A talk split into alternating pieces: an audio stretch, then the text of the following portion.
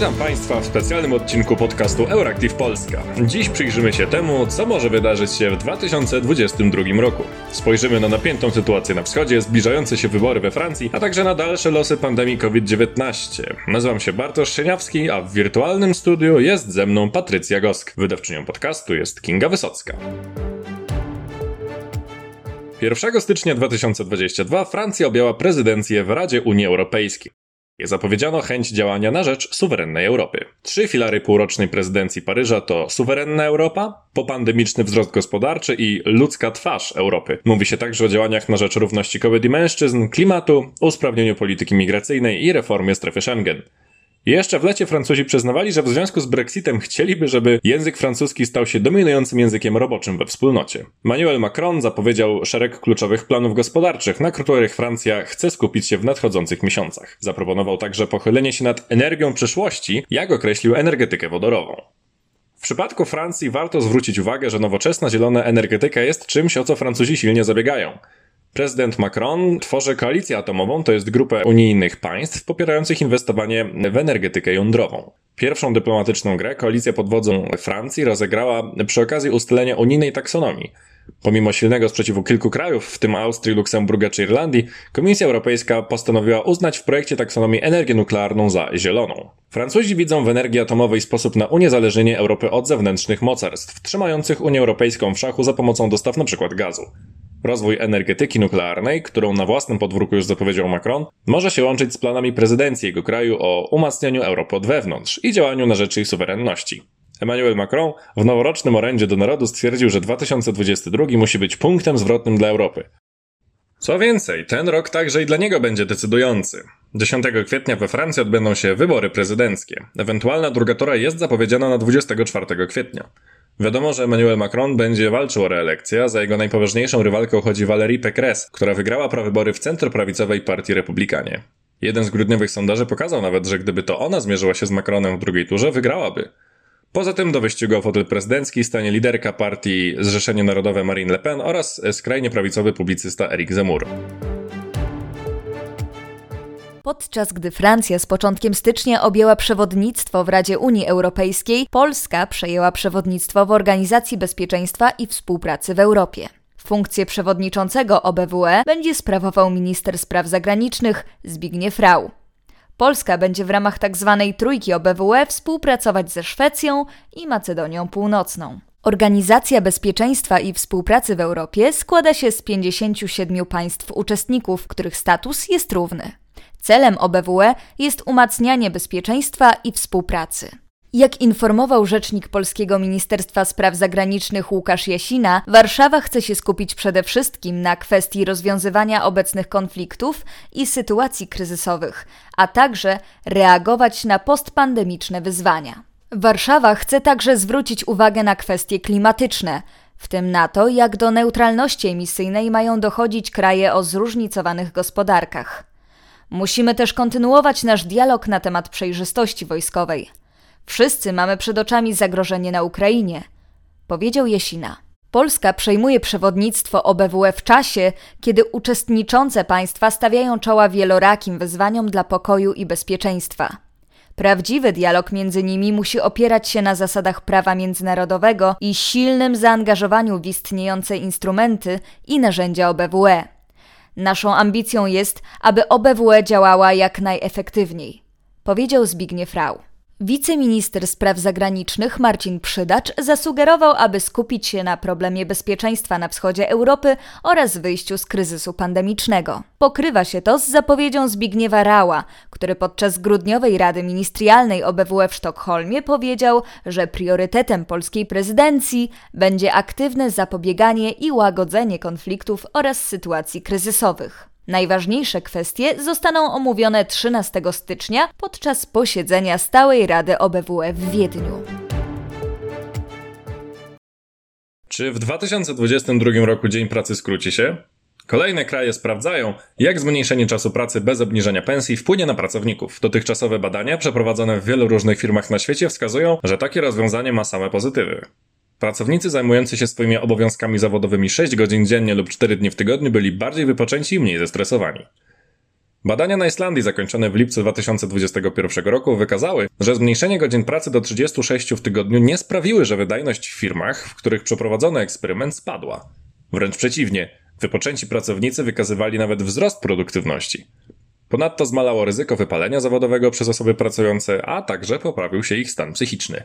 Eksperyment na Islandii został uznany za wielki sukces, a znacznej większości badanych Islandczyków nowy wymiar pracy przypadł do gustu. Podobne badania przeprowadza także socjalistyczny rząd Hiszpanii.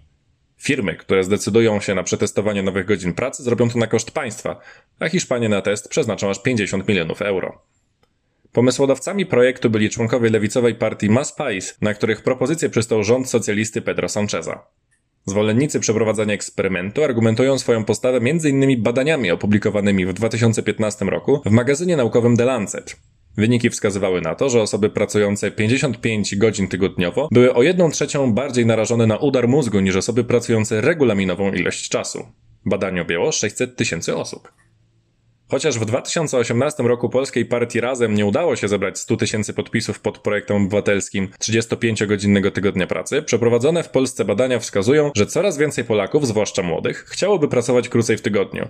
Według OECD Polacy należą do najbardziej zapracowanych narodów na świecie, a aż 68% z nas chciałoby pracować krócej niż 40 godzin tygodniowo. W Polsce najwięcej zwolenników skrócenia pracy jest w grupie osób pracujących w największych firmach. Niemal co drugi z nich uważa, że takie rozwiązanie mogłoby pozytywnie wpłynąć na jego samopoczucie. W mikrofirmach zatrudniających do 9 osób zaledwie 31% popiera pomysł zmniejszenia godzin pracy. Zwolenników czterodniowego tygodnia pracy przybywa także wraz ze wzrostem wykształcenia. Jedynie 30% osób z wykształceniem podstawowym chciałoby pracować krócej. Wśród osób z wykształceniem średnim i wyższym mowa tu o 43%. Końcówka 2021 roku upłynęła pod znakiem wzrostu napięcia wokół granicy Ukrainy w związku z dużą koncentracją rosyjskich wojsk w regionie. Po dwóch grudniowych rozmowach między prezydentami Joe Bidenem a Władimirem Putinem, teraz czas na właściwe negocjacje. Już 9 i 10 stycznia w Genewie spotkają się negocjatorzy z USA i Rosji, którzy mają dyskutować o deeskalacji sytuacji wokół ukraińskich granic, a także o rosyjskiej propozycji nowego traktatu o bezpieczeństwie w Europie. Jednak to, co zaproponowała Moskwa, czyli zablokowanie rozszerzenia NATO wobec kolejnych państw byłego ZSRR, zmniejszenie amerykańskiej obecności wojskowej na tzw. Tak wschodniej flance NATO, Konieczność uzgadniania z Rosją natowskich ćwiczeń czy rozmieszczania sprzętu wojskowego w Europie Środkowo-Wschodniej wydaje się nie do przyjęcia. Dlatego już na początku stycznia szykuje się nam poważny maraton negocjacyjny. Dwa dni po rozmowach w Genewie. 12 stycznia w Brukseli ma się odbyć spotkanie Rady NATO-Rosja. Dzień później kolejne rozmowy odbędą się na forum OBWE. USA są niezwykle aktywne w kwestii pomocy Ukrainie – nic jednak nie trwa wiecznie. Należy się spodziewać, że to właśnie na rywalizacji z Chinami skupi się w nadchodzącym roku Waszyngton. Donbas tymczasem pozostaje kwestią sporną. Uniknięcie konfrontacji w tym rejonie wydaje się być priorytetem, jednak napięcie pomiędzy tymi dwoma państwami rośnie z każdym dniem. Można powiedzieć, że obie strony wykazują się pewną upartością i być może to właśnie ona jest powodem, dla którego nie znaleziono jeszcze złotego środka. Deeskalacja nie jest jednak niemożliwa. Być może punktem zwrotnym w tych negocjacjach stałaby się nowa umowa tranzytowa gazu. Ten jeden krok na pewno wpłynąłby na nastrój negocjacji. Spokojniejsze rozmowy sprzyjają pokojowemu rozwiązaniu konfliktu. Wielkie polityczne starcie szykuje się na Węgrzech. Po raz pierwszy od 2010 roku premier kraju Viktor Orban zmierzy się w wyborach parlamentarnych z kandydatem na premiera, wystawionym przez zjednoczoną opozycję, w skład której wchodzą partie od lewa do prawa. Kontrkandydatem Orbana będzie burmistrz miasta Chodmesowa-Szarchej, Peter Markizej, konserwatysta. Węgierska opozycja i rządząca krajem partia Fidesz idą w sondażach web w web. Ugrupowanie Orbana od dawna nie było tak zagrożone w swojej władzy, a wygrana opozycji jest rzeczywiście realna. Sondaże co chwilę pokazują minimalną przewagę to jednej opcji, to drugiej. Opozycjoniści przestrzegają, że Fidesz szykować może różne oszustwa i nieczyste zagrania wyborcze. Przykładowo, węgierscy migranci zarobkowi, najczęściej przeciwnicy polityki Orbana, nie mają prawa do głosowania korespondencyjnego i muszą dojeżdżać do ambasad i konsulatów swojego kraju. Przez długie godziny dojazdu i jego koszty wielu Węgrów rezygnuje z podróży. Natomiast mniejszości węgierskie w krajach ościennych od Węgier, często zwolennicy Fideszu, są wręcz zwożone autokarami do przygranicznych gmin węgierskich, gdzie mogą oddać głos. Lider opozycji, a główny przeciwnik Orbana, Peter Markizej, jest istotnym asem w rękawie opozycjonistów. Jest stosunkowo nową osobą w polityce, do tej pory działał jako samorządowiec. Dwukrotnie pokonywał kandydatów Fideszu w wyborach na burmistrza swojej miejscowości. Istotne są również jego konserwatywne poglądy, które mogą zabrać Orbanowi wyborców starszych oraz z mniejszych ośrodków miejskich. Markizej nie był także zaangażowany w niepopularne liberalno-lewicowe rządy sprzed 2010 roku. Z wykształcenia jest ekonomistą, a głosi poglądy antykorupcyjne. Jeśli Fidesz wygrałaby wybory, Węgry pozostałyby jednym z głównych eurosceptycznych ośrodków w Unii Europejskiej, torując ścieżki dla kolejnych rządów, którym nie po drodze z Unią. Gdyby jednak zwyciężyła koalicja, byłby to historyczny moment, w którym partia Viktora Orbana przegrałaby wybory po raz pierwszy od 12 lat. Poradzenie sobie z trudną polityczną sytuacją w kraju nie będzie proste. Fidesz, pomimo przegranej, wciąż będzie cieszył się dużym poparciem. Również bardzo szerokie ramy koalicji przestaną być jej atutem. O ile przy wyborach szeroki wachlarz poglądów może rzeczywiście okazać się pomocny, tworzenie rządu i administracji przy tak dużym rozstrzale ideologicznym będzie niemałym wyzwaniem. Pogodzić trzeba będzie zarówno wymagania np. prawicowej partii Jobbik, jak i węgierskiej partii socjalistycznej. Zaawansowane koalicyjne plany zdają się jednak sprawdzać, dzięki czemu koalicja opozycyjna ma szansę na zwycięstwo. Partie postulują wspólne uzdrowienie węgierskiego życia publicznego, a także uniezależnienie sądów i prokuratur. Mówią także o zapewnieniu wolności prasy. Po wygranych wyborach planują zachować swoje ideologiczne charaktery i utworzyć osobne koła parlamentarne. Trwająca od końca 2019 roku pandemia COVID-19 mocno dała się już światu we znaki. Szczepienia, testy, maseczki, dystansowanie się, a także restrykcje zebrań to środki, które w dalszym ciągu utrzymuje się w wielu krajach, aby spowolnić zachorowalność wśród ludzi. Niestety, nadal powstają nowe, coraz bardziej zakaźne mutacje wirusa, które budzą niepokój ekspertów. W minionych miesiącach był to m.in. wariant Omikron, po raz pierwszy wykryty w RPA. WHO przestrzega przed sytuacją, w której równocześnie rozprzestrzeniać się będą zarówno Omikron, jak i nieco starsza od niego odmiana Delta. Szef organizacji Tedros Adhanom Ghebreyesus mówi nawet o tsunami zakażeń.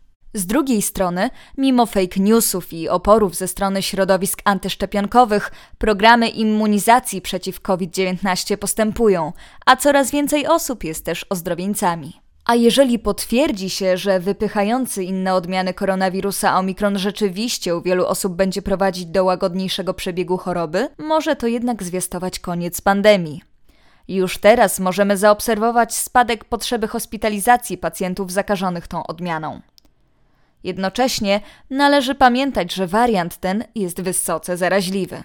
Jedynym z priorytetów w obecnej sytuacji jest zaszczepienie jak największej liczby ludzi, bo to właśnie szczepionki pozwalają nam koegzystować z wirusem, dają nam szansę na normalniejsze życie, a nawet pozwalają poczuć się jak w czasach, gdy jeszcze nikt nie słyszał o koronawirusie.